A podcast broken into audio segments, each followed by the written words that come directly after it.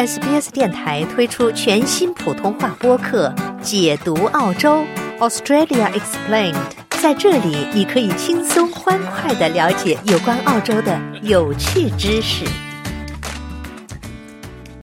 在美国国防部长劳埃德·奥斯汀上周访问以色列之后，以色列可能面临新的压力，要求缩减主要作战行动。华盛顿越来越担心。平民伤亡和大批巴勒斯坦人流离失所的问题，即使他向以色列提供了军事和外交支持，空战和地面战已经摧毁了加沙北部的大片地区，并将大部分人口驱赶到被围困领土的南部，许多人蜷缩在那里的避难所和帐篷营地之中。加沙仍有一百多名人质被哈马斯扣押。此外，特拉维夫市中心有数百人呼吁，数百人呼吁。以色列政府立即寻求达成一项协议，将所有在加沙的人质带回家。抗议发生时，以色列总理本杰明·内塔尼亚胡暗示正在与卡塔尔进行新的谈判。卡塔尔一直是以色列和哈马斯人质谈判的关键调解人。此前还有消息称，以色列军方在加沙误杀了三名人质。一位特拉维夫居民伊塔马尔·巴鲁克说：“他对以色列在加沙的行动失去了信心。”并恳求以色列领导人立即把人质送回家。我从未信任过这个政府，现在情况更糟糕了。我开始觉得这场战争开始时的恐慌情绪现在有所缓和，但令人非常害怕的是，这个政府将把我们所有人引向更多的毁灭和死亡，而这一切在此时此刻都感觉有些毫无意义。因此，我认为我们应该推动另一项释放人质和保护更多人安全的协议。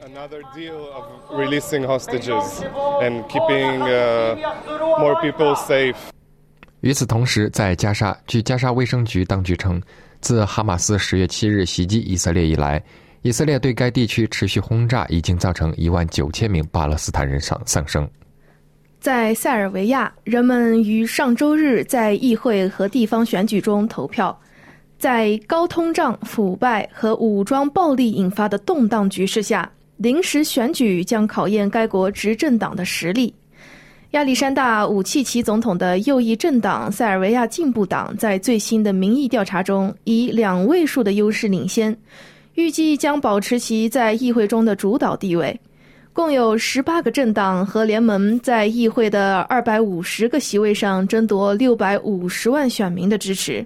武契奇说：“他有信心获胜。”我预计投票率会非常高，因为我们在这里制造了一些人潮，比平时都要多。投票率很高的情况下，我们会取得决定性的胜利。我希望参与选举的每一个人都能理性、负责任的行事，尽管我还不确定这一点。意大利和英国领导人早已就解决欧洲非正常移民问题达成了一致，并承诺在打击人口贩运方面加强合作。意大利总理乔治亚·梅洛尼和英国首相里希·苏纳克在罗马举行会谈，梅洛尼领导的极右翼政党意大利兄弟党也出席了此次会议。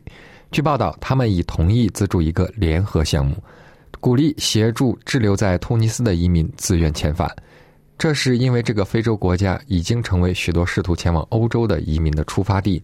英国首相表示，应由各国政府决定谁可以进入他们的国家。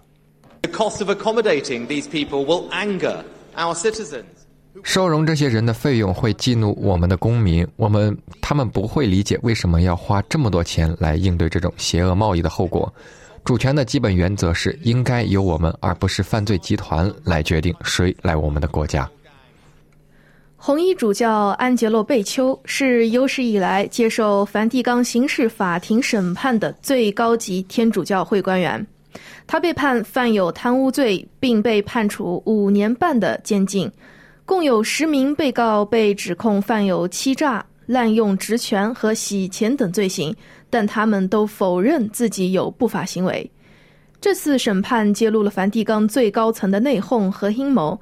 历时两年半的时间，共开庭八十六次。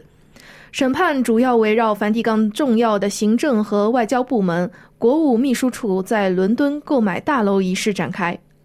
这位意大利红衣主教和其他大多数被告一样，在一些罪名上被判有罪，在另一些罪名上被判无罪。只有一名被告被判所有罪名不成立。法院院长朱塞佩·皮尼亚托内宣布了对贝丘的判决。贝丘乔瓦尼安杰洛被判处五年零六个月监禁，罚款八千欧元，并永久剥夺担任公职的资格。意大利红衣主教的律师法比奥·维格利奥内说。他将对此判决提出上诉，称他的当事人是无辜的。美国总统候选人唐纳德·特朗普在一次集会上称，无证移民正在毒害美国的血液，因此被指责使用了类似纳粹的言论。特朗普是在新罕布什尔州的一次竞选活动中发表的上述言论。他在活动中抨击了试图非法穿越美国边境的移民人数创下了新高。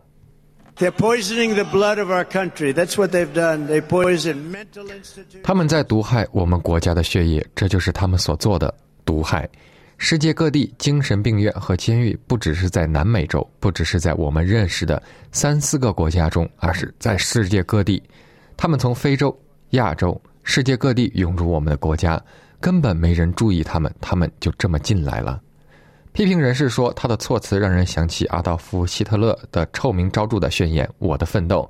他在宣言中抱怨移民给德国造成了所谓的血液污染，以及侵入民族身体的毒药。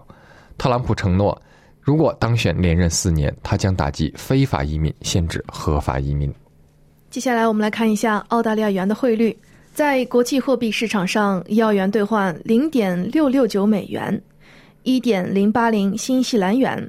同时，一澳元可以兑换四点七六六元人民币、五点二二七元港币以及二十一点零一九的新台币。那么，在今天新闻节目的最后，一起来关注一下全国各主要城市的天气情况。悉尼局部多云，最高温度二十九度；墨尔本多云，最高温度三十度；布里斯班有阵雨，最高温度三十二度。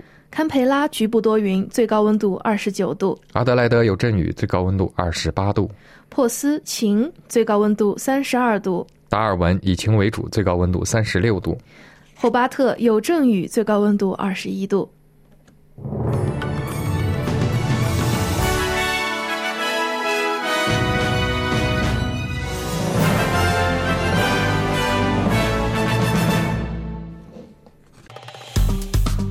喜欢、分享、评论，欢迎您在 Facebook 上关注 SBS 普通话页面。